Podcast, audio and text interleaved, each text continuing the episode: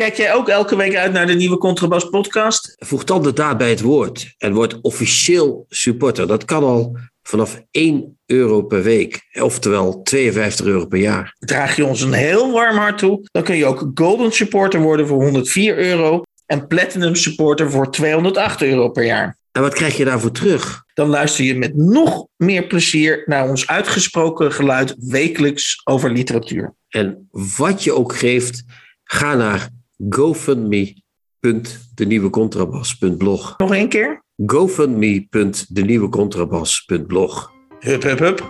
Hup.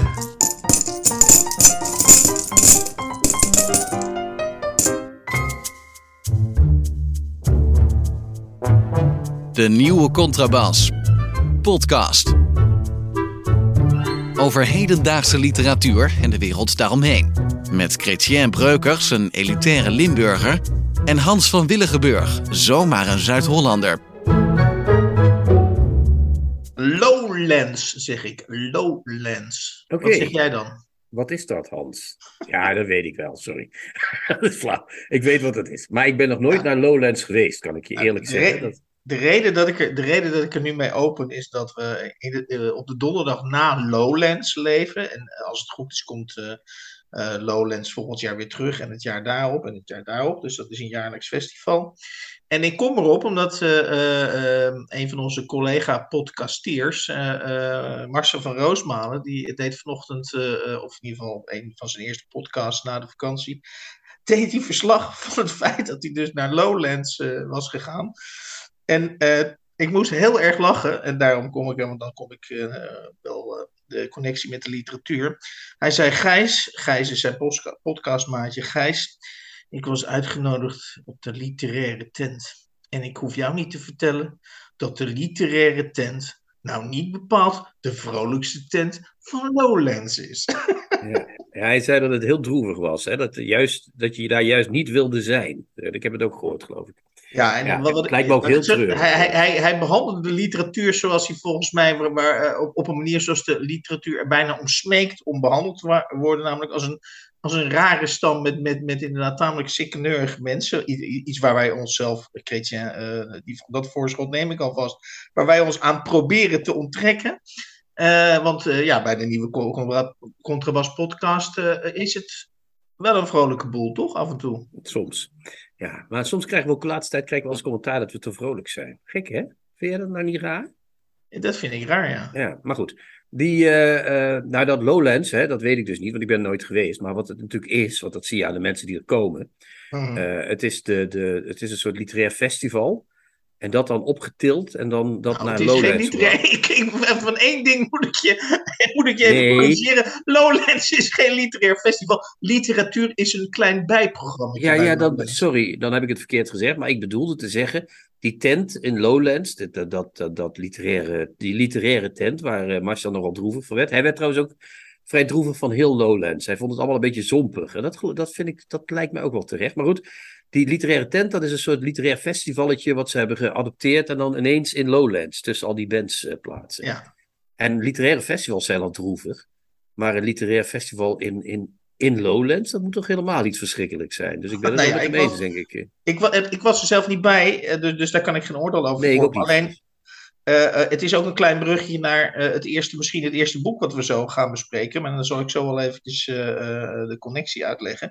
Ik zag namelijk, eh, we gaan namelijk eh, eh, zo als eerste boek bespreken eh, God in Japan van Willem Melchior. Dan weet u dat alvast. Ehm, maar daarvan heb ik dus eh, eh, op, eh, op YouTube heb ik daar dus, en dan kom je dus niet, dan ben je dus niet op Lowlands, maar dan ben je dus op traditionele literaire avond. En dan krijg je dus Fokke Obbema, de man die het boek De Zin van het Leven heeft geschreven. Dat Oh, is een hele grote interviewbundel. En die gaat Oké. even, en nog, dit heeft nog helemaal niks met de kwaliteit van het boek te maken. En dan even voor alle duidelijkheid, dat gaan we apart bespreken. Maar mijn hemel, je zult maar op je, op je, op je introductie van je boek, zul je maar Fokke Obbema van de Volkskrant op, op bezoek krijgen. En die gaat jou dan eh, bevragen. Nou, dan weet je echt dat alle energie binnen een kwartier echt die hele zaal uit is gezogen. En bij mij als kijker. Ik ken, ik ken ook Fokke Obbema niet, helaas. Jammer. Had het even gestuurd van tevoren. Maar die, eh, wat, wat, wat heel droevig is, we hebben vaker, we hebben ook eh, die interviews van Marcel Meuring besproken ooit. Ja. In Donner, geloof ik, hè? Zeker. En uh, daar, wat, wat is er toch met literaire interviews? Wat is toch precies, waarom zakt er een begrafenisstemming over mensen als ze een literair interview gaan doen? Dat vraag ik mij dus ook af. Is er dan iets waardoor de literatuur, maakt dat mensen dan zo somber of zo, zo, zo, wat is het? Nou ja, kijk, als ik even de lijn Fokke Opbema volg, hè, die heeft het dan al heel snel in zijn interview over de essentiële vragen des levens. Hè. en uh, noemt hij ook welke dat zijn? Daar, daar, daar, hè, als je dat soort termen gebruikt, of, of, of, of, dat is de ondertitel van je boek, ja, dan, dan weet je wel, dan valt er al op voorhand weinig meer te lachen. Het is heel de essentie, ja. hè? Het gaat over de essentie, uh, Kretje. Ja, de essentie. Oké, laten we dan het volgende onderwerp doen. Lijkt me beter. Ja. Ik heb geen essentie. Dat wil ik niet. Nee. Ik ben net als Arjen Duiker tegen de essentie. Ja. Nou, dan wil ik even ingaan op onze. Eh, als, als, als logische eh, vervolg wil ik dan even ingaan op onze luistercijfers. Kijk, wij trekken uh, gemiddeld, dat is geen geheim, dat is allemaal open source, daar doen we ook niet geheimzinnig over. Uh, gemiddeld uh, luisteren er zo'n 600 tot 1100, dus, dus tussen de 6 en 1100 mensen zijn, luisteren naar de nieuwe Contrabas podcast. En uh, jij weet, Christian, ik vind dat te weinig. Ik zou dat minstens willen verdubbelen. Ja, maar je zult ze maar thuis moeten ontvangen. Het liefst wil ik dat vertien, vertiendubbelen. Maar aan de andere kant denk ik, ja, ga naar een gemiddeld literaire avond. Daar zitten 30, 40, 50 mensen. Ja, en, dan is de nieuwe, en dan is de nieuwe contrabas uh, ineens uh, in 12, li 12 literaire. Dat is in feite een soort literaire kuip. Laten we eerlijk zijn. Ik weet niet waar je vandaag heen. Het is te warm voor mij. Als dit soort, dit soort rekensommen, daar kan ik vandaag niet. Uh, het is vandaag 34 graden hier, Hans. Ik weet niet waar je precies. ik wil niet naar de Kuip, maar dat was niet de vraag, hè? Of wel? nee, maar het, gaat, het gaat erom dat, dat, uh, dat om even die, die, die 600 tot 1100 mensen die naar. Die maar die kunnen wel in één dag grootste zaal. Ja. In perspectief te plaatsen. We zouden zelf al, eh, als we een avond hebben met al onze luisteraars, dan kunnen we een, eh, de, de ene grootste zaal van Vredeburg vullen al. Dus dat, zo klein zijn we nou ook weer niet. Uh... Nee, precies. ik wil maar zeggen. Maar wat zo is, is dat literatuur, ja. Kijk, je hebt natuurlijk literaire events voor jongeren. Die trekken veel, uh, die TikTok-meisjes. Daar trekken je volle boekhandels mee. Daar staat soms mm rijen en zo. Maar die traditionele literaire middagen, avonden en zo, die, uh, die wij nog kennen van toen we nog uh, net studeerden al, dat is toch echt helemaal uh, aan. Daar moeten ze een keer echt flink de borstel doorheen, want dat gaat echt niet meer. Ja. ja. Er komen inderdaad weinig mensen en het is heel saai. Maar dat was niet je vraag, geloof ik. Maar goed, dat is wel wat het is. Nee, laten, laten, we, dit, laten we dit afronden. Um, we moeten het hebben. en en ik, zeg niet, ik zeg niet snel we moeten, maar in dit geval zeg ik we moeten. Uh, deze week hebben we het CPNB-incident uh, uh, gehad, collectieve programma van. collectieve propaganda van het Nederlandse boek. Stichting daar... Collectieve Propaganda voor het Nederlands Boek. Wat is er gebeurd? mevrouw Evelien aan de kerk, zij geeft leiding aan het CPNB.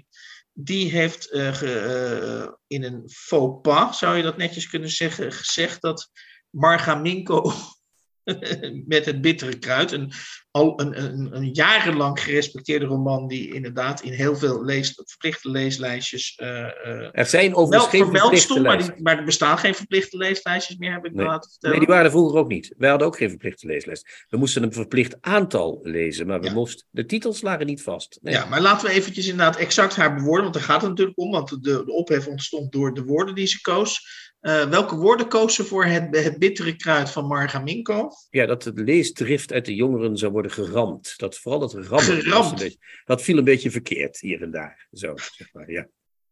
En wat vind je van, uh, van dit? Ik, ik, ik, mijn eerste reactie was: dit is zo uh, ja, buiten proportie. Dit, is eigenlijk een, dit incidentje is nauwelijks nog van extra commentaar te voorzien. We moeten er toch iets over zeggen. Ja, ik, vind het, ik verwacht niet veel van het CPMB. Als ik eerlijk moet zijn. Ik vind het eigenlijk een instituut waar af en toe komt er eens wat uit. En dan hoor je blob, hoor je dan. En dan denk je, nou ja, zal wel. En dit was wat harder blob.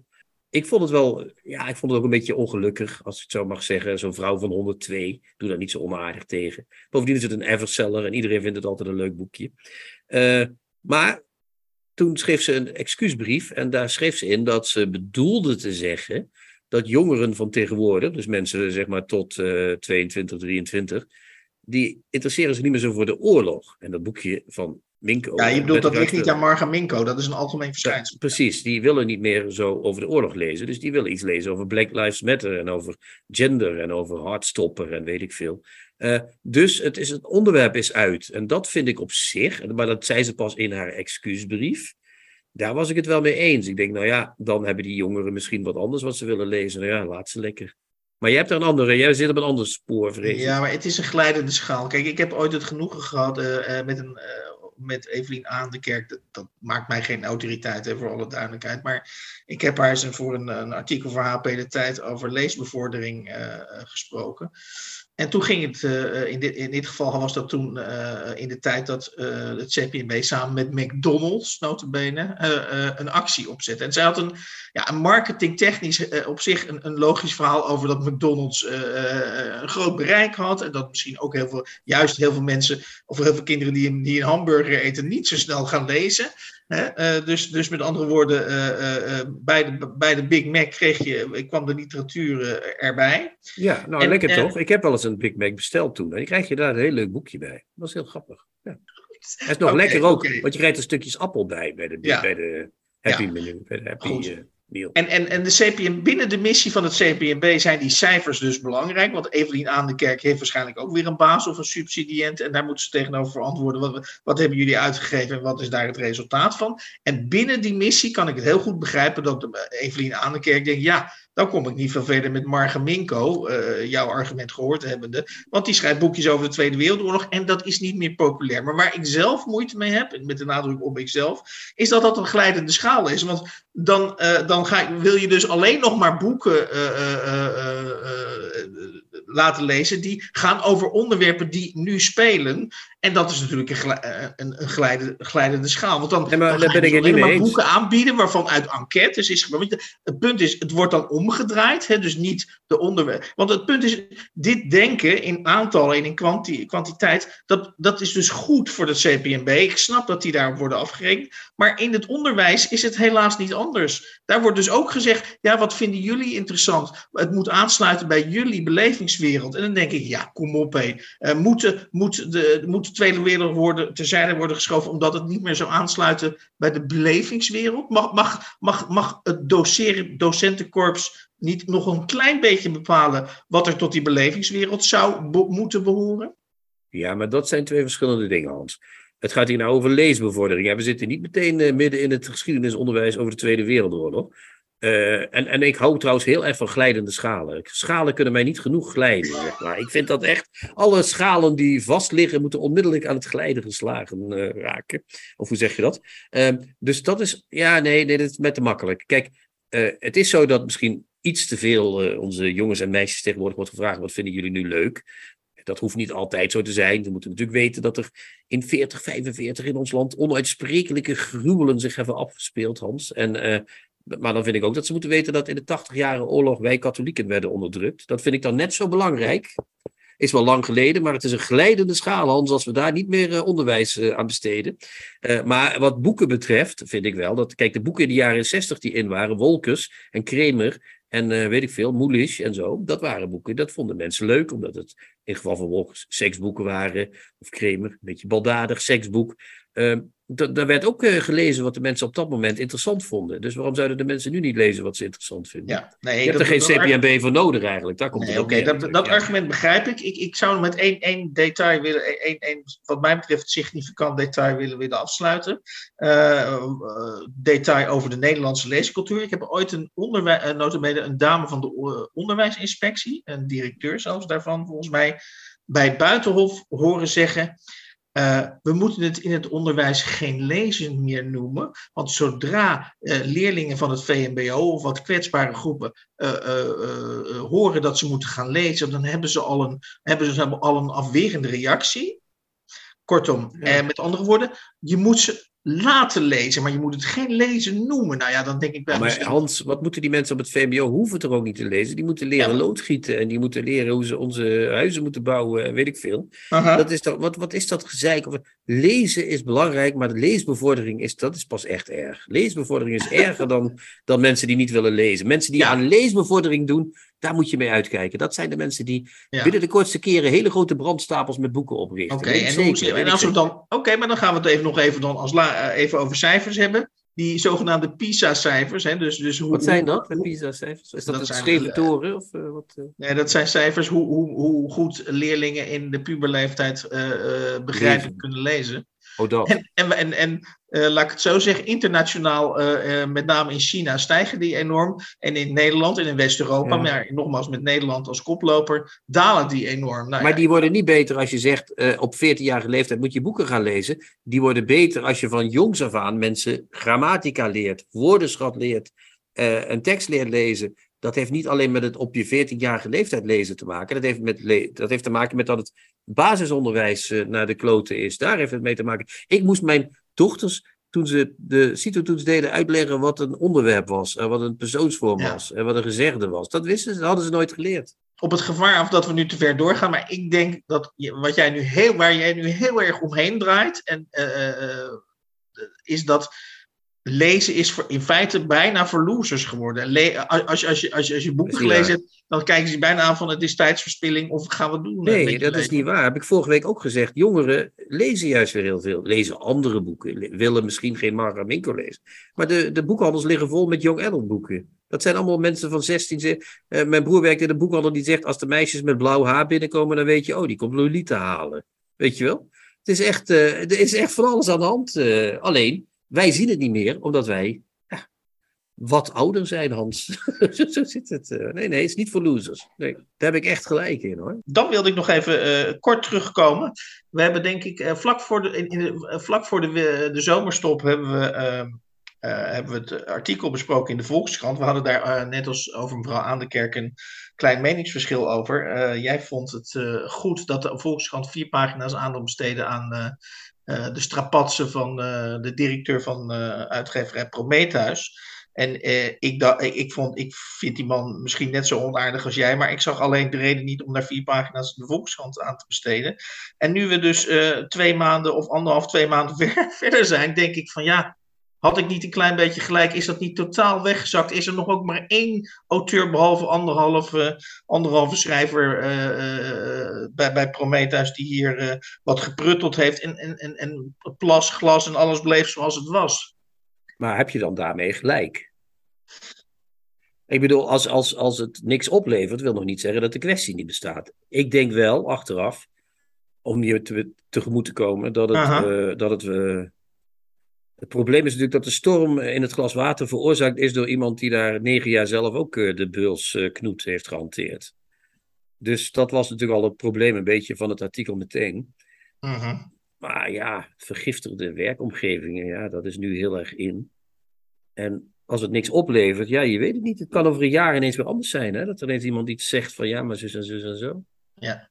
Ik weet het niet, Hans, of, dat, of je dit soort dingen in kwesties van gelijk of niet. Je, hebt- je Nee, had gelijk, dat- je had gelijk dat er niks gebeurde, in ieder geval. Ja, nou ja, je zou kunnen zeggen, en dat kunnen wij godzijdank niet controleren, dat eh, omdat dit artikel verschenen is, zou je, kun, zou je als verdediging kunnen zeggen dat, de- dat eh, eh, vrouwelijke medewerkers van uitgeverijen misschien toch meer eh, op, laat ik zo zeggen, door dit, gesteund door dit artikel, de vinger wat, wat strenger aan de pols houden. Dat zou een, een, een effect van dit artikel kunnen zijn. En daarmee zou het dus niet een vergeefs artikel zijn. Ja, of, of My Spijkers is inmiddels een soort heilige geworden. Dat kan ook. Ik ga Maar dat laatste, dat, dat sluit ik wel uit. Ja. Volgens mij zijn we het, over het laatste punt, posi- positief punt, zijn we het hartstikke eens. Namelijk, eh, jij hebt mij opmerkzaam gemaakt, denk twee, twee weken, tweeënhalf weken geleden, op de eh, podcast Fix Dit, F-I-X-D-I-T. Ja, Eh, ik had er nog nooit van gehoord. Eh, het is een literaire podcast, volgens mij wordt die ook gesubsidieerd, kan dat?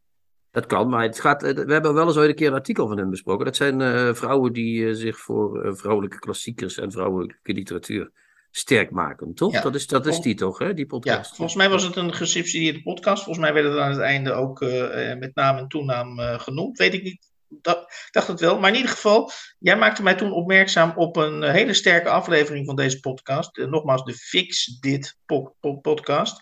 Over Andreas Burnier. En dat heb ik Ja. inderdaad beluisterd. En ik vond het ook inderdaad een hele interessante eh, podcast. Van een niveau wat je inderdaad niet zo snel eh, tegenkomt. Ja, en een interessante figuur. André. Ja, zeker. Natuurlijk, ja, ja. Tips van de week. Boeken, artikelen of pamfletten die boven het maaiveld uitsteken. We gaan ons dit keer wagen aan twee boeken, waarvan het eerste boek eh, de titel heeft Goed in Japan, met als ondertitel Een pelgrimslied en het is geschreven door Willem Melchior. Ja, dat is een soort. Het is een, het is een roman en het is ook een soort. Het heeft ook iets van een dagboek, vind je niet? Uh, dit is, dit, je, volgt hem, uh, ja, je volgt hem eigenlijk nauwgezet, bijna van uur tot uur, van dag tot dag, inderdaad uh, op zijn reis naar Japan. Klopt. Ja, ja, ja. En, de, en die reis naar Japan maakt hij omdat hij, nadat hij een ziekte heeft gehad, kanker, waardoor hij met een soort keelprobleem geconfronteerd is. Hij heeft nu zo'n soort dopje in zijn ja, hoe moet je dat zeggen? In zijn, was, was een ademsappel zat, in zijn strothoofd, strothoofd, Waardoor die, als hij praat, maakt hij zo'n uh, geluidje, weet je wel? Dat is dus, mhm. het, hij heeft die kanker gehad. En daarna wilde hij Japan nog eens zien. En die, eh, daar heeft hij een aantal reizen gemaakt. En daar heeft hij van die aantal reizen, van dat aantal reizen, heeft hij dit boek God in Japan gemaakt. Zo moet je het ongeveer zien, volgens mij. Ja, en is het, maar dan, is het wat jou betreft de moeite waard om te lezen? Om maar eens even een heel simpele vraag te stellen. Nou, heel lang dacht ik, waar moet dit toch heen met dit boek? Want je krijgt inderdaad, zoals jij zegt, eh, bijna van uur tot uur eh, de gang eh, van Willem Melchior door Japan te horen. En Willem Melchior is een schrijver die over begin jaren negentig debuteerde met de roeping van het vlees. En altijd hele interessante, een beetje macabere boeken over vernietigingen van lichamen en, en een soort masochistische fantasieën waarin uh, ingewanden naar buiten werden uh, gehaald door een mes door iemand buiten te snijden. Willem Melchior is gay, hè? dat zeg ik er even bij. Ja, ja. ja maar dat, deze voorkeur is niet per se gay, maar dat combineert hij met zijn gay uh, zijn ook nog. Ja. Maar anyway, dus Willem Melchior die maakte van dat soort interessante, macabere boeken dit boek heeft dat ook, maar dat duurt wel heel lang voordat hij op stoom komt, als ik het zo mag zeggen. Je krijgt eerst uh, een hele, heel stuk reis uh, door Japan en uh, het, toeristische ditjes en datjes, vieze soep die hij te eten krijgt, het hotel en de taxi komt niet op tijd en hij raakt de weg kwijt en hij is bang dat hij niet dat hij bij een tempeltje is wat hij wil bezichtigen, et cetera, et cetera. Ja, de, de, die kluttigheden die inderdaad, die zijn tal, vrij talrijk. Ja, het is een soort neuroot als je het goed leest. Hè? Iemand die niet uh, tegen kan, die meteen ook overal beren op de weg ziet, et cetera, et cetera.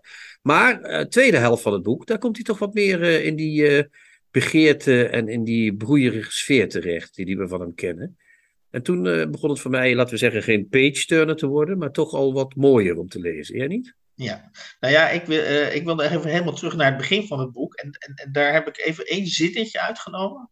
Ja. Uh, uh, chirurgisch probeer ik dat een beetje dan te duiden. ook die schrijfstijl. En dan schrijft hij helemaal in het begin van het boek. Schrijft hij de volg volgende zin. En dat is echt exemplarisch voor hoe hij zinnen opzet. En het is een fijne hoed. Waarvoor ik bij de English Hatter nog 150 euro meen ik dat het was, betaald heb. Ja, dat, die, die en, en, precies die woorden meen ik dat het was. Hè, dus hij, dat geeft meteen aan dat denk ik bij zo'n tussenzin denk oeh, Willem Melchior, doet het er echt, kan het de lezer iets schelen of het inderdaad 150 euro was. Maar dat, is een soort dat is een soort detail dat ik denk, oeh, dit wordt een breedsprakig gevalletje dit. Ja, dan weet je wel ook meteen dat je met de rood uh, van doen hebt, hè? Die, die dat... Uh, Ja, maar goed. Hij, hij is overigens, hij komt ook voor in die boeken van Musee, hè, die faxen aan Ger. Oh, hij, is, hij, is, hij is Balthazar, is hij daar in die boeken. Maar goed. Oké. Maar, maar die, die, die, eh, dus, en hij heeft, uh, dat, dat is één kant dus, dat je voortdurend met ditjes en datjes wordt overladen. En uh, op een gegeven moment, uh, ik weet niet of ik, dat heb ik net al gezegd, maar kom jij, ben je met me eens dat het in de tweede helft beter wordt? Of heb je dat niet zo ervaren? Jawel, dat klopt. het begint eigenlijk als een, als een soort reisverslag uh, dat heb jij al gezegd, van een soort neuroot. Van iemand die uh, op elke slag zout wil leggen. En alles, uh, want omdat Willem Melchior gezien het heeft, of dat Willem Melchior er geweest is, of omdat Willem Melchior dat met eigen ogen heeft gatengeslagen, moeten we het, krijgen we het allemaal door onze strot geduwd. Dat klopt. Ja. En dan in de, tweede, in de tweede helft komt hij inderdaad meer. en dat vind ik eigenlijk wel een mooi gegeven, juist omdat hij gehandicapt is door die door dat, uh, wat jij net zei, door uh, die stemversterker in zijn strottenhoofd. Uh, is hij dus, uh, en hij dus sowieso, dat geldt natuurlijk voor heel Japan. Ik ben zelf nooit in Japan geweest, maar me, mensen gesproken hebben die in Japan zijn geweest. Je voelt je totaal gedesoriënteerd in, die, in, die, in, dat land. Want je heel veel Japanners spreken geen Engels of nauwelijks Engels. Dus je moet, ja, voor je het weet ga je met handen en voeten communiceren. En wat ik heel mooi vind aan dit boek is dat hij inderdaad die, die, die, die, die, die communicatiestoornis met die Japa Japanners, waardoor je dus automatisch terugvalt op veel primairdere uh, waarnemingen. Dat vind ik heel erg mooi gedaan, inderdaad. En dat groeit inderdaad uh, met het boek. Uh, wordt dat En mooier. Ja. En da- daardoor wordt het, als we ons tot het verwerpelijke sterrensysteem zouden eh, bekeren, zo'n boek tussen de drie en de vier sterren, zeg maar. Hè? Het is een drietje. Een, go- een, goed- een goed boek, zeg maar. Goed boek, oké. Maar op het eind kruipt hij naar de vier toe. Dus hij zou de... En hij heeft natuurlijk ook, eh, is jou dat ook opgevallen? Ja. Ik vind dat hij behoorlijke waaie reven in zit in dit boek ook. Maar dat zit in zijn hele oeuvre wel. Jawel, jawel, jawel. Ik, ik, ik kan even kijken. mag ik het slot even citeren, of niet? Eh, Ja, dat doe maar. Doe maar vast. Ja, want dan heeft hij dan, oh, dan heeft hij dus helemaal aan het eind, en dan komt het, het eindigt in een soort eh, roes. En dat is heel mooi. Dat, als hij Dat meer van dat soort passages had gedaan, dan zegt hij, die jonge man, hoe aanbiddelijk ook, zoals hij mij vertederd en vastberaden met de grond gelijk maakt, schijnt tegelijkertijd als middelaar tussen de kracht en mij op te treden. Hij is het die me met de geilheid in verbinding stelt en via wie ik mij tot de hogere macht richt die zich door de geilheid laat vertegenwoordigen. Of die zich van de geilheid bedient om mij op te eisen, de macht waartoe ik mij beken in mijn groeiende hunkering aanroepend, bezwerend, smekend, tot ik zo goed als geheel tot zwakzinnigheid vervallen ben. Enzovoort, enzovoort, enzovoort. Ja, het is mooi en het is reven, hè? Het is allebei. Ja. Ja. En, en eh, een beetje in dezelfde stijl ga ik ook nog even een citaat eruit gooien. Dat, wat, bij, wat bij dit boek, en dat, dat tekent eigenlijk wel de kwaliteit van dit boek, is dat je wel de verleiding voelt om vaak eh, te gaan citeren. Schrijven doet hij heel goed, ja. Dat is, Ja, eh, dus als een vliegtuig opstijgt, gaat dat bij Willem Melchior. Je zou zeggen, nou ja, het vliegtuig stijgt op, maar nee. Bij Willem Melchior gaat dat als volgt. Met een zwaai die je pas opmerkt als hij al heeft in- ingezet en die je dan als een trage val door je heen voelt zakken, maakt het toestel zich van de aarde los en in dezelfde beweging gaat alles wat recht was scheef hangen en krom staan en valt het geluidloze zingen van de motoren terug om ruimte te maken voor een indringend geronk dat als bevrijd losbreekt en verandert onder je, en verandert onder je ogen de bebouwing in modelbouw, waar je om neerkijkt. Op de valreep herken ik het hotel. Het komt van achter de terminal tevoorschijn zoals vanmorgen vroeg, toen ik in het raamkozijn stond. De vliegtuigen die opstegen dat deden, maar dan dus aan de andere kant. En ik zie de A380 van Thai staan, die aan beide kanten door het lichtblauw van Korean geflankeerd wordt. Voordat, met medeneming van nog een paar gebouwen, een snelweg die in lussen is gelegd, een radartoren en een paar pieren het land onder ons vandaan getrokken wordt en plaats maakt voor de zee, die zoals Camus het noemde, een zilveren maliënkolder aan heeft. Precies. Het is, het, het is prachtig. En toch denk je, het is net alsof iemand in deze tijd een symfonie van Mozart probeert te schrijven. Hè? Vind je niet? Het is over, over een Mc- ik denk, ik, je zou eigenlijk Willem Melchior je een, zou je een boek lang moeten eh, eh, verplichten over McDonald's bijvoorbeeld te gaan schrijven. Ik ben heel benieuwd wat hij daarvan zou maken. Maar heb jij trouwens het idee, even los van die desoriëntatie in Japan. het speelt zich in Japan af, maar het had zich toch net zo goed in Zwitserland kunnen afspelen, vind je niet? Of vind ja, Maakt niet uit, je moet hem gewoon ergens neerzetten en dan eh, verplichten om dit soort dingen te schrijven. Ja, dat zou fantastisch zijn. Ja. ja, stilistisch is het, nogmaals, het is stilistisch wat rococo-achtig, maar eh, eh, eh, ik heb er, en dat ben ik met je eens, zeker naar het einde toe heb ik ervan genoten. En dan gaan we nu naar eh, een boek van iemand van Japanse afkomst, trouwens. Yuri Otsuka. De Zwemmers heet het boek. Ja. Een roman. En wat voor roman, Hans? Nou, ik had, me- ik, ja, er staat inderdaad wel roman eh, op, maar En dat is het ook wel, toch? Of niet? eh, nou, dit boek doet toch wel een poging om met een heel aantal romanwetten te breken, toch? Maar het is wel net zoals met Knor. Hè? Knor is alleen Knor als er Knor op staat. En zo is een roman ook een roman als er een roman op staat. Maar nou ja, dit zijn allemaal losse verhalen die in elkaar grijpen. Maar ze hebben één ding gemeen. Ze gaan eh, weliswaar over een zwembad, maar ze gaan vooral over Alice. De moeder van de, hoofd, van de schrijfster, zou je kunnen zeggen. Toch? Ik moet van tevoren, voordat we dit boek gaan bespreken, moet ik eigenlijk al een soort voorbehoud maken. Namelijk, eh, ik heb van een recensent begrepen, die, eh, waarvan ik de recensie over dit boek heb gelezen, dat je dit boek vooral langzaam moet lezen. Ja. En ik moet bekennen dat ik eh, vier uur voor het begin van deze opname moest ik nog beginnen. Het was 140 pagina's, dus het is te doen. Eh, dus ik heb, het, eh, ik, ik heb geheel eh, gezondigd tegen deze wet. En ik heb het uh, Yuri Otsuka dus in een tamelijk snel tempo gelezen. ja, maar dat kan. Het, het boek is, en we moeten er misschien toch even iets over zeggen. Zeker. het, boek, het boek begint in een ondergronds zwembad in Amerika. ergens. Daar komt een groep mensen bij elkaar die, die helemaal aan elkaar gewend is. Die hebben vaste banen. Je hebt banen voor de snellere mensen, je hebt banen voor de minder snelle mensen, je hebt banen voor de sukkels. Dan zouden wij, ik zou daar, sorry, neem me niet kwalijk, ik mag niet met jou spreken, ik zou daarin eh, zwemmen. Je hebt banen voor de oudere mensen. eh, daar komt ook een Alice die een beetje vergeetachtig is. Die, eh, die weet Ja. het allemaal niet meer precies. En die vergeet soms dat ze een handdoek bij zich heeft en zo. En dat is, maar die functioneert prima in dat ondergrondse zwembad. Mhm. In dat zwembad nu verschijnen ineens barsten. En iedereen begint erover te praten en te doen. Eh, en dit volgens en mij dat. enkelvoud, barst. Eerst een kleine barst, inderdaad, en dan meer, en dan nog meer. En dan Ja. valt die groep mensen, die zwemmers, valt uit elkaar, want het zwembad wordt gesloten. Eh, dan volgen we niet de zwemmers daarna, maar die Alice, en die wordt dan helemaal gevolgd. En die blijkt op een gegeven moment dement te zijn en in een instituut terecht te komen, et cetera, et cetera. op zich een prima samenvatting, geen, geen, geen, geen punt. Eh, alleen de manier waarop je het nu vertelt, suggereert dat het een heel traditioneel boek is. En dat is het nou juist niet. Omdat eh, eh, jij zegt ze, of, of je ze vertelt, maar je kunt eigenlijk zeggen, vertelt ze eigenlijk wel. Want als ze bijvoorbeeld over die zwemmers vertelt, vertelt ze dat in opsommende zin. Je hebt die baan, je hebt Ja, die zeker. baan, je hebt die persoon, die persoon vindt dat, die persoon vindt dat, die persoon ziet in de barst A, die persoon ziet in de barst B, die persoon ziet in de barst een verklaring voor C. Dus de hele manier waarop ze dit, dit vertelt is totaal on, eh, ja, zeg maar, ja, ik wil niet zeggen avant-gardistisch, daarvoor is het misschien. Nee, nee, nee, het is veel traditioneler dan dat hoor. Jij zegt dat het niet traditioneel is, maar ze houdt heel veel afstand van wat ze vertelt. Dat verhaal van die Alice, wat dus het verhaal van haar moeder is, dat is haar waarschijnlijk te groot. Dus ze probeert het via die zwemmers te doen. Via de barst, via eh, het gesticht waar ze in zit. Wat een soort reclamefolder is voor dat gesticht. Hè? Dat heb je ook eh, gezien. Maar sorry, voor dat verzorgingstehuis, wat zeg ik nu toch, gesticht? Ja, maar jij Maar- suggereert met jouw beschrijving dat er een relatie ontstaat of dat het een groep zwemmers is, terwijl zij het volgens mij beschrijft Zo begint het. Zo begint het als, als, als, een groep als een, juist een opsomming van een groep individuen die allemaal hun eigen.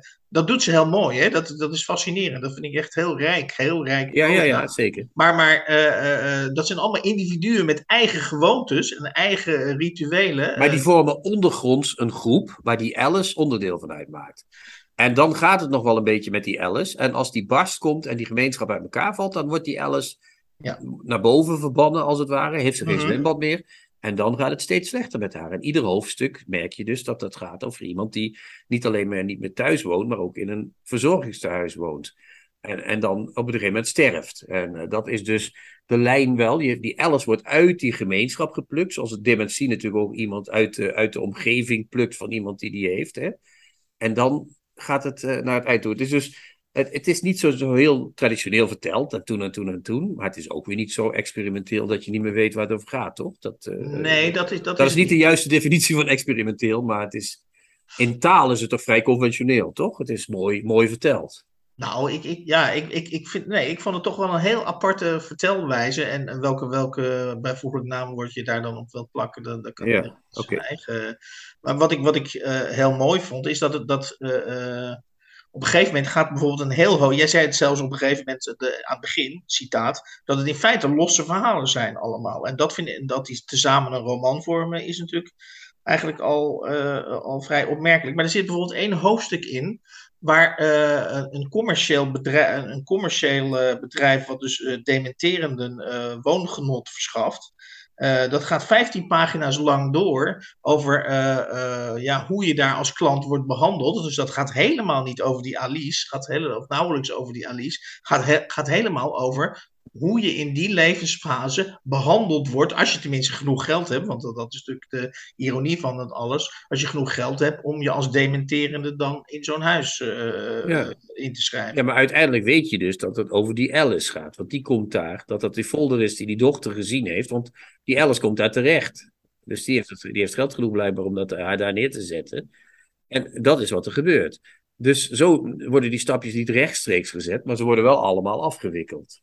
Maar anyway, we zijn het erover eens. Ik vond het een eh, mooi boek. Maar ik vond het niet zo. Ik dacht toen bij dat zwembad, dat eerste hoofdstuk en die barst, dacht ik: dit wordt geweldig. Mhm.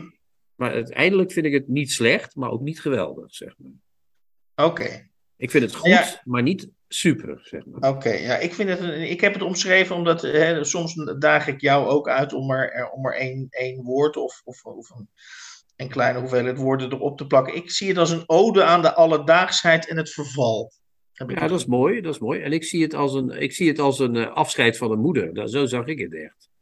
Ik heb trouwens nog wel een hele, om even aan te geven hoe beklemmend zij dus die levensverhalen van, van de dementie kan beschrijven. En hoe ze dus dat uh, in dat ene hoofdstuk wat ik net beschreef, uh, Bella Vista heet dat, uh, want die, dat oord waar je dus als dementerende kunt inschrijven, heet Bella Vista. Ja. En dit vond ik dus echt heel erg sterk.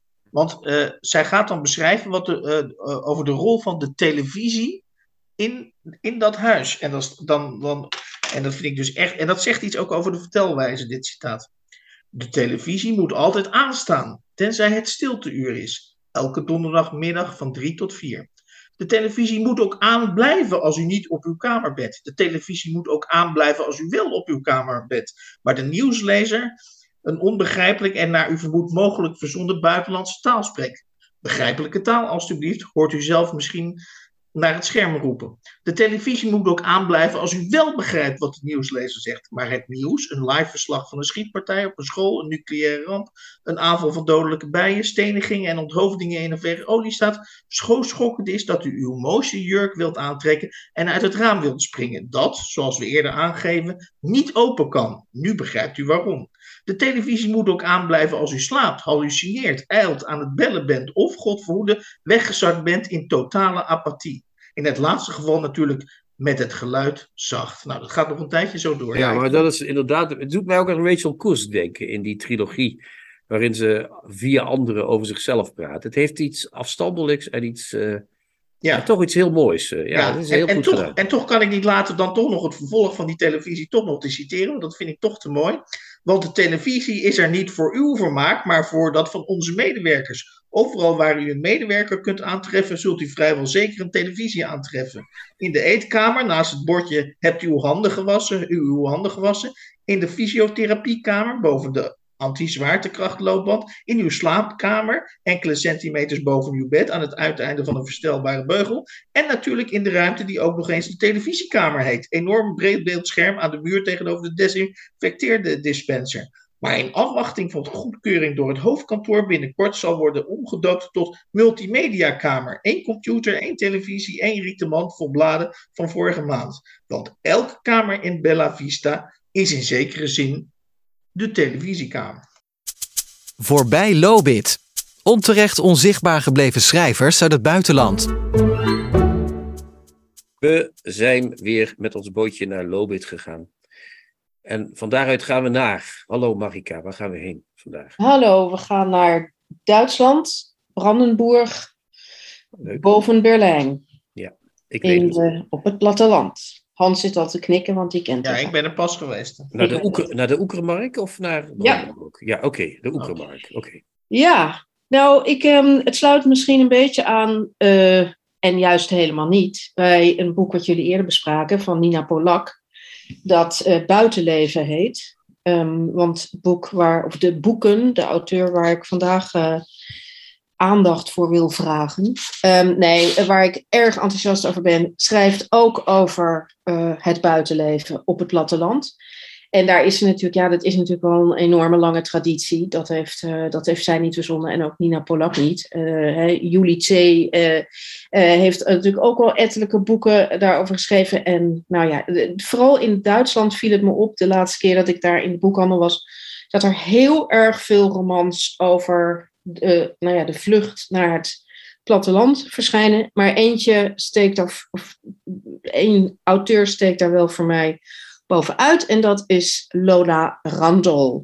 En zij is een, eigenlijk een filmmaker die in wat was het, 2019 met haar debuutroman, of nou ja, roman, kunnen we het nog wel over hebben, De Große Garten, de grote tuin, eh, doorbrak. En meteen ook genomineerd werd voor de Duitse eh, Boegprijs die ze niet won. Het boek is ook vertaald, dus ik heb ook vertalingen, maar volledig onder de radar gebleven. En ik heb al één keer gezien dat het bij de tuinboeken is beland. Dus nou, dan kan je... Wel, wel met zo'n titel niet helemaal nee, onwaarschijnlijk. precies. En dat is ook... Nou ja, Maar en, even en bij de tuinboeken in Nederland of ook in andere landen. daar heb ik het gezien. Nou ja, nee, in Duitsland is het natuurlijk wel bekend ook omdat zo'n stickertje op zit hè, van de Duitse Boegprijs. En dan weet je dat ook wel. Maar, maar goed, het is, het is ook eigenlijk een tuinboek. Dus zo noemt ze het zelf ook. En zij heeft in een razend tempo, mag ik wel zeggen, want dat verscheen in 2019, heeft ze nog twee andere boeken geschreven. Eh, het tweede heet Die Krone der Schöpfung, de kroon van de schepping. Ehm, en dat is nou niet echt een vervolg, maar tegelijkertijd, het speelt een beetje in dezelfde um, omgeving, of helemaal in dezelfde omgeving.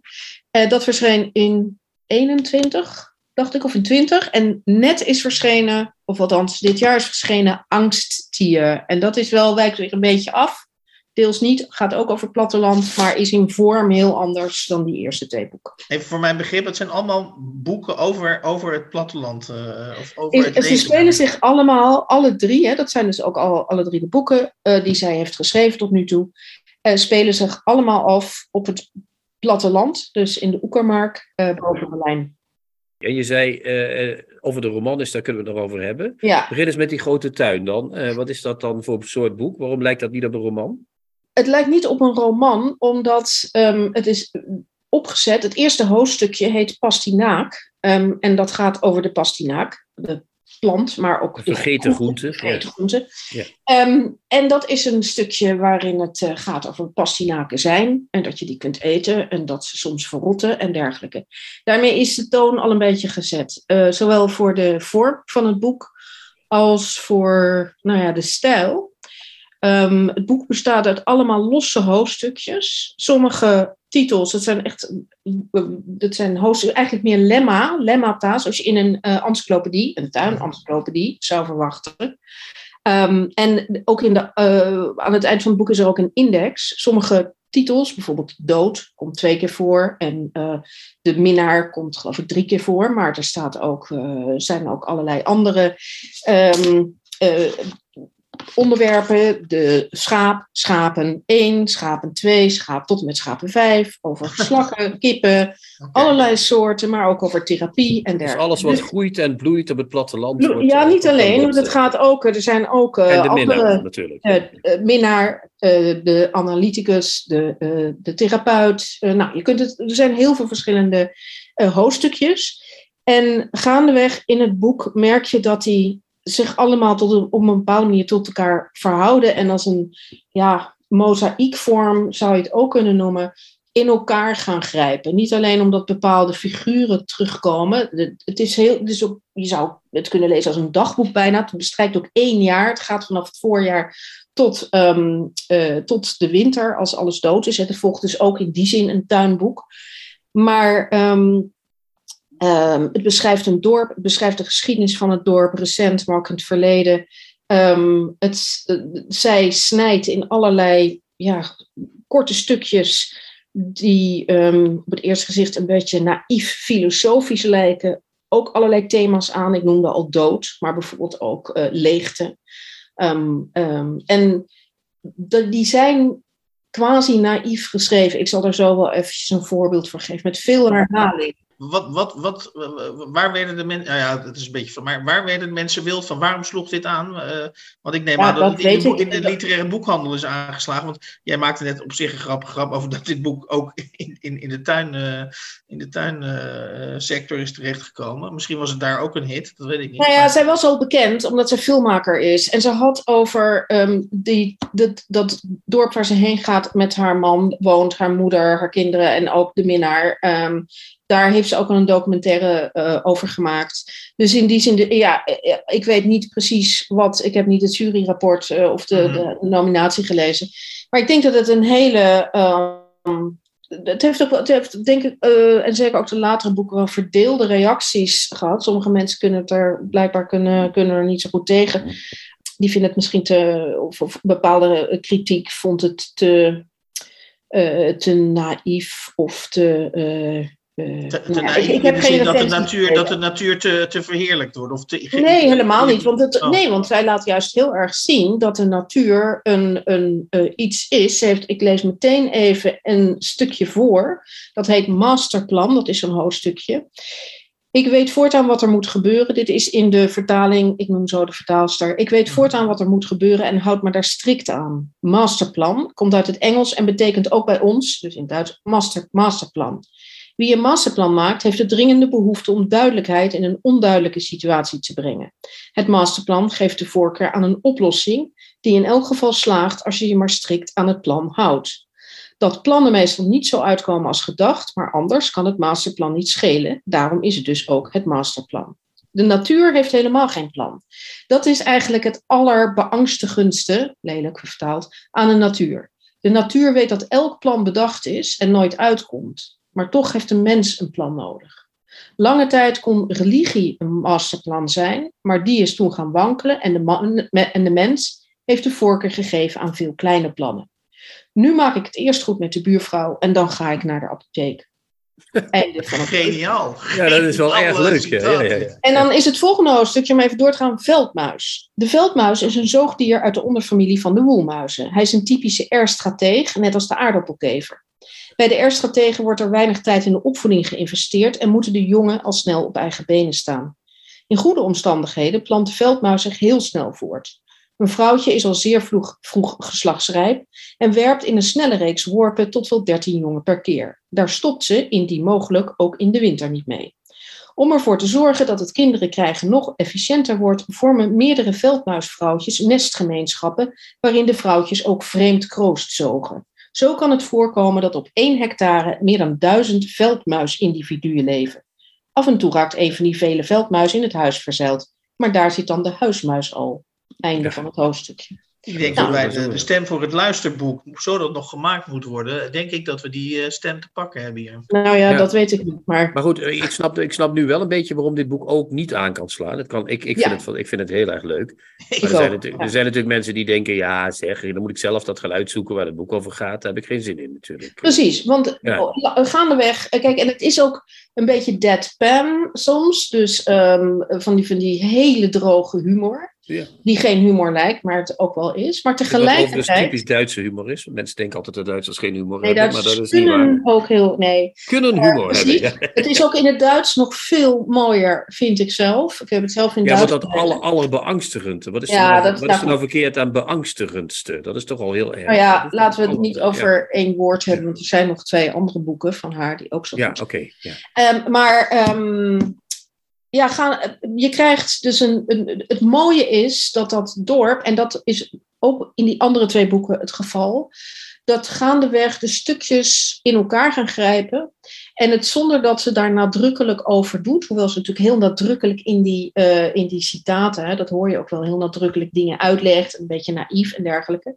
Maar dat er toch een, um, een beeld ontstaat van wat een dorp is en, en wat een dorp kan, um, uh, kan zijn. En dat het in feite ook een organisme is. En net zoals de natuur een organisme is. Nou ja, dat, dat soort, zonder dat ze dat zegt, komen dat soort gedachten, als je het um, leest en het, leest als een trein, uh, komen dan op en dan ga je over nadenken. Ja, hoe heet het tweede boek? Wat was Die dat? Kronen der Schöpfung. En, dat en heeft, is dat ook weer zoiets? Of is ja, dat, dat is eigenlijk op dezelfde manier geschreven.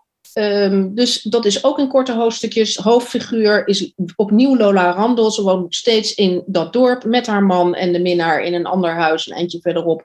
En de kinderen en de, en de Sorry, andere... met haar man en haar minnaar woont ze daar. Zeg Ja, die minnaar die woont ergens anders in het dorp. Maar ze kijken allebei uit op de kerk. Dat komt ook een paar keer uh, terug. Dus één kerk in het dorp. Ja. Um, en iedereen weet ook dat ze die minnaar heeft. Maar handig zoals ze zegt... Um, in het dorp. Het dorp weet alles, maar het dorp praat niet. Dus het dorp is een soort collectief bewustzijn, maar je hebt het er niet over. En dan is het allemaal, uh, dan is het allemaal Dus oké. het, heet- het, het heeft geen enkel scandaleus randje. Dat, Nee, nee, nee, absoluut. Dan is dat toch een ander dorp dan waar ik ben opgegroeid. Want daar praat iedereen altijd overal over. Zeg maar. maar goed. Nou goed, hier ehm, minder. Die Kronen der Schöpfung is een roman, ook nadrukkelijk staat op de omslag, die zich afspeelt in het coronajaar. En, en die Kronen der Schöpfung is de mens, maar ze vraagt zich in het boek in feite af of het misschien niet een mier is. En de kroon is natuurlijk ook het virus. En het is opnieuw in hoofdstukjes geschreven. Ehm, opnieuw met hele feitelijke hoofdstukjes over wat het virus is, wat een virus is, wat een viroloog is, et cetera. En wat ik er mooi aan vind, is dat je de, bij, in het coronajaar of in het covid-jaar of jaren kwam je er steeds, hè, wij kregen steeds meer te horen over wat dat virus is. En die, dat, dat gaandeweg meer informatie krijgen, dat speelt ook in die roman een rol. Terwijl daartussendoor ook een ander verhaal speelt, net eigenlijk als in Der Große Garten. Ehm, namelijk een verhaal wat zij aan het schrijven is ehm, ehm, en wat zij hoopt aan Amazon te, te verkopen. Dat wordt een verhaal over zombies. En daar, je voelt het natuurlijk wel een beetje aankomen, maar dan heb je de, het zombie-gedeelte speelt zich af in Honka, de bar van de vergetelheid. Dus daar heb je ook een aantal hoofdstukjes. Dat is het zombie-verhaal. Maar in feite gaat het natuurlijk over mensen die niet dood zijn. En net als een virus, wat niet op zichzelf kan leven, maar binnen moet dringen. Dus daar zitten. Of, of Ehm, van die mensen die in lockdown zijn en die halve zon. Ja, precies. Of ze lezen boeken over de pest. En de pest, dat zijn in zekere zin mensen die snel doodgaan, heel bloederig. Ehm, een van de grappige dingen in het boek is dat zij zeer overtuigd vegetariër is, maar gaandeweg het virus merkt. Het virus is haar lichaam binnengedrongen, als het ware. Zoals een zombie, ehm, nou ja, ook je een ondode kan maken. En ze krijgt steeds meer zin in rood vlees en rauw vlees. Ja, daar, daar, ook daar is het hetzelfde eh, principe, zou je kunnen zeggen, in de Grote Garten. In Angsttier laat ze dat los. Dat is het laatste boek. Ehm, zeer gemengde reacties. Het wordt een horrorverhaal genoemd. Nou, dat vind ik niet. Gothic fiction vind ik ook niet. Het is het verhaal van een jong stel dat, naar een, dat een, land, een huis zoekt op het platteland. Zoals zoveel uh, jonge stellen. Hij is schrijver, zij, wil, zij is zwanger. En het gaat, de hoofdpersoon heet Jacob. En Jacob die um, wordt, ook daar gaat het over het binnendringen in een dorpsgemeenschap. Het binnendringen van, um, van uh, een, een wereld die als het ware op zichzelf staat. Die gemaakt is, uh, of die, die zeg maar ja, gemaakt is of samenhangt van zagen en mythen en sprookjes, angsten, angsten voor wat er in het bos leeft, hele kinderlijke angsten, die die Jacob ook in zijn eigen geschiedenis um, niet te boven is gekomen. Hij is echt een buitenstaander. Op een nacht wordt hij gebeten door iets, dat blijft onduidelijk wat het is. En op dat moment neemt een soort hondsdolheid bezit van hem. En um, ik vond het, ik heb het in één adem uitgelezen, ik vond het fantastisch. Het wijkt dus in in zekere zin in stijl niet zozeer af, maar wel in de vorm. Er zijn geen korte hoofdstukjes. Um, hè, dat, dat, dat boek is echt een verhaal. Het gaat niet meer over de ik, Lola Randall. Maar het gaat opnieuw over um, ja, de wereld waar je in leeft, waar je een indringer in bent. Iets wat in jou kan indringen en, um, en hoe hoe je um, daar aan ten onder kan gaan. En in feite gaat het over ja, hele fundamentele angst die bezit van iemand kan nemen. Zonder dat dat allemaal nadrukkelijk is. Oké, okay. Eén klein elementje uit dat tweede boek. Je noemde in een bijzin dat zij daar een verhaal probeert te verkopen, dacht ik, of te schrijven voor mm -hmm. Amazon. Als ik jou zo hoor, dan moet Amazon. Ik bedoel, is, is dat ironisch? In de zin van, ik denk niet dat zij, zij of, wordt Amazon, neem ik toch aan, toch opgevoerd als een heel fout bedrijf, of niet? Nou, um, ook daar, ook daar in de, um, ik zal even in, dat heeft ook zo'n handige in, um, indeling. En ze heeft een aantal hoofdstukken over de verzend, verzandhandel. dat begint allemaal heel. Uh, Onschuldig. Begint, uh, wat zeg je? Onschuldig begint het? Dat begint heel onschuldig, hè? dat er iemand bedenkt van nou, ze gingen nadenken over dat je ook boeken moest kunnen opsturen en dingen moest kunnen sturen. Verzandhandel heeft ook zoiets van daar, dat is iets wat van A naar B gaat en dus gevaarlijk is, want daar kan het virus weer aan vastzitten. ja, ja. Um, maar tegelijkertijd is het, ja, is geen, zij spreekt zich niet heel erg kritisch uit over Amazon. Ze vertelt in feite heel... Um, sec, het, heel droog. Heel ja. sec. Ja. Um, en um, ja, het is, het is, op mij werkt het enorm komisch. Ook die, uh, die stukjes tussendoor over die zombies. Um, in het begin denk je, waar gaat dit nou weer over? Maar juist omdat dat natuurlijk... Uh, ja, het werkt als de hel, denk ik. Hè? Ja, het werkt is... ongelooflijk, ja. ja. Maar wat is, het is dus een thematisch heel sterk samenhangend oeuvre tot nu toe. Hè? Bij, Ja. Als je bij drie boeken al van een ja, soort, soort mini-oeuvre dan. Mini-oeuvre. Ehm, wat is nou precies, behalve dan die humor en die wat onconventionele opbouw van die eerste twee boeken, wat spreekt jou het meeste aan in die boeken? Wat is nou echt het, het, het hè, dat je zegt, nu, dit is, eh, daarom, Ehm, daarom, sommige boeken, hè, dan lees je niet door, maar hier wil ik, dit wil ik weten, zeg maar. door die, al die kleine stukjes kan zij grote thema's, bijvoorbeeld het feit dat de evolutie zonder enig plan is, dat er geen plan is, dat je dus maar een beetje radeloos probeert iets te doen. En dat heeft natuurlijk ook weer, hè, het gaat natuurlijk ook over de DDR, maar het gaat ook over de tijd voor de DDR, Ja, eh, over religie, over in feite, hè, op een gegeven moment heeft ze het ook. Ja, Wat het is allemaal- gemeenschap of zo? Wat is gemeenschap? Ehm, het is, ehm, maar er is ook eh, zoiets over van, dat ze nadenkt over het einde. Dat dieren aan dieren komt een einde, schrijft ze ergens, maar mensen sterven. En dat is een, een groot verschil. En ze zegt van, nou ja, er bestaat alleen de angst voor de dood ehm, eh, die de dood ons biedt. En eh, er is alleen de angst voor de dood die de dood ons biedt. En, en je weet zelf eigenlijk niet waaraan je denkt als je eh, aan de dood denkt. Ehm, want het is, dat, dat maakt niet uit. Dat lijkt heel erg oppervlakkige filosofie misschien. Maar omdat, ehm, omdat ze dat in dat dorpsleven, in het bekijken van de tuin, waarin de tuin niet een idyllisch eh, Eden is waar je terugtrekt, maar ook waar, waar eh, mollen en mieren en virussen en god mag weten wat allemaal Duizend veldmuizen per hectare. Ja. Precies, eh, maar doorgaat, krijgt dat voor mij iets heel ontroerends. En ook, ehm, ik ben er echt, het heeft dagen in mijn hoofd gezeten. En Heb je dat nog een mooi citaat, eh, of niet? eh, ja. ja, ik heb nog wel één citaat. Maar over angst hier wil ik zeggen dat ik het daar heel knap vind dat daar de, het verhaal over wat het is om een buitenstaander te zijn heel knap verteld wordt. Oké. In feite, daar komt dat voor, voor mij op neer. Ik heb nog wel een, een, een stukje, als het mag Ja. nog een citaat. Een eerst kort stukje eh, dat heet ehm, De therapeuten, dat vat ik even samen. De therapeuten zegt dat het tuinboek, net als alles wat ik doe, een vlucht voor mezelf is. Dat, eh, dat wat ik met de therapeuten doe, heet gesprekstherapie. De analyticus zegt dat gesprekstherapie bij mij niet zal opleveren. Hij denkt dat ik de therapeuten toch alleen maar voor de gek houd en dat geen analyticus me ooit nog zal aannemen. Nou, even laat ik een stukje weg. De tuin, dus het volgende hoofdstukje. Een tuin is een omkaderd stuk grond waarop planten en of dieren worden gehouden. Je kunt het zichtbare kader ook weglaten en dat alleen denken. De grens, met of zonder omheining, is die van de cultivering. Dat wil zeggen de door mensenhand opgelegde structuur en ordening die de tuin scheidt van de natuur. En aangezien het er bij een tuin ook altijd om gaat rust te bewerkstelligen die anders ontbreekt, is een omheining zo dom nog niet. Deze afscherming kun je tot stand brengen met een muur, een hek, een haag of een andere beschutting. Nou, het enige bedrijf in ons dorp dat niet in de landbouw zit, produceert anti-inkijkschermen. De fabrikant heeft een methode bedacht om plastic buisjes, gemaakt van plastic afval van plastic ramen, met een draad aan elkaar te weven.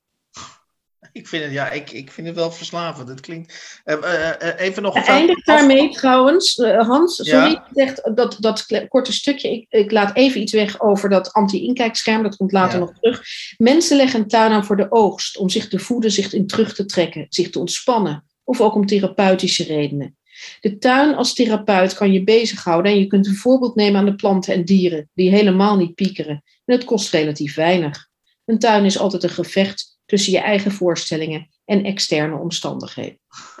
Nou ja, ik vind Ja, dat ja. geniaal. En hoe mooi dat bij die therapeut past ook. Ja, fantastisch. Ja, Ja. ja. ja. Eh, met welk boek moeten ze. eh, eh, we gaan er even vanuit dat wij niet de enige zijn die door, dit, door jouw verhaal zijn aangestoken. eh, dat de luisteraars dat ook zijn. Dus eh, waar moeten ze mee beginnen? Als ik jou zo goed, belu- als ja. ik je goed beluister, moeten ze dus met dat eerste boek beginnen. Ja, dat is ook vertaald. Dus ehm, Ja. ik zou beginnen met Der Große Garten. Dat is het boek, dat, het eerste boek. Eh, het boek ook dat vertaald is. Eh, dat is uitgegeven bij Signatuur en vertaald is door, ik zoek de naam op, ja hier weer, Goverdien Hout Grubben of Groeben. Een prachtige naam voor een heel mooi boek.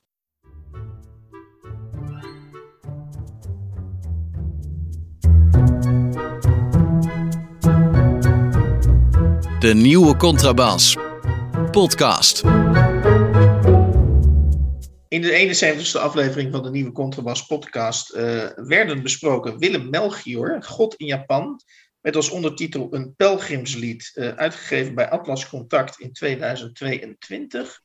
En Julie, of Julie, of Julie, ik denk Julie, Julie Otsuka, eh, in ieder geval een auteur met Japanse roots, met de roman De Zwemmers, uitgegeven bij Lebowski. Eh, die geven nu ook nog af en toe wel eens een boek uit, maar op een wat eh, minder prestigieus niveau dan ze ooit gedaan hebben. dit is wel wat, ons, wat mij betreft de voltreffer. De Zwemmers van Julie, Julie Otsuka, vertaald door Lucie Schaap. Uh, en dan hadden we natuurlijk Marika Keblusek, die ons helemaal meegenomen heeft, mogen we wel zeggen. Heel ver meegenomen heeft in het, in het universum, in het, in het oeuvre van Lola Randol. die met De Grote Tuin ook in het Nederlands vertaald is. bij, en dat de roman De Grote Tuin is verschenen bij Signatuur. En daarmee, Hans, is het bij 34 graden mooi afgelopen voor vandaag. hè? Toch, of niet? Lijkt me Had je nog wat? Zijn er nog kleine dingen, losse eindjes? Nee, hè? Nee, zijn er, zijn er niet. Het is, uh, ik, ik zou bijna zeggen cha cha cha chu chu chu. Ciao, ciao, lieve mensen. Tot de volgende keer. Wacht op ons. Kijk jij ook elke week uit naar de nieuwe Contrabas podcast? Voeg dan de daad bij het woord en word officieel supporter. Dat kan al vanaf 1 euro per week, oftewel 52 euro per jaar. Draag je ons een heel warm hart toe, dan kun je ook Golden Supporter worden voor 104 euro en Platinum Supporter voor 208 euro per jaar. En wat krijg je daarvoor terug? Dan luister je met nog meer plezier naar ons uitgesproken geluid wekelijks over literatuur. En wat je ook geeft, ga naar gofundme.denieuwecontrabas.blog. Nog één keer? gofundme.denieuwecontrabas.blog. Hup, hup, hup. Hup.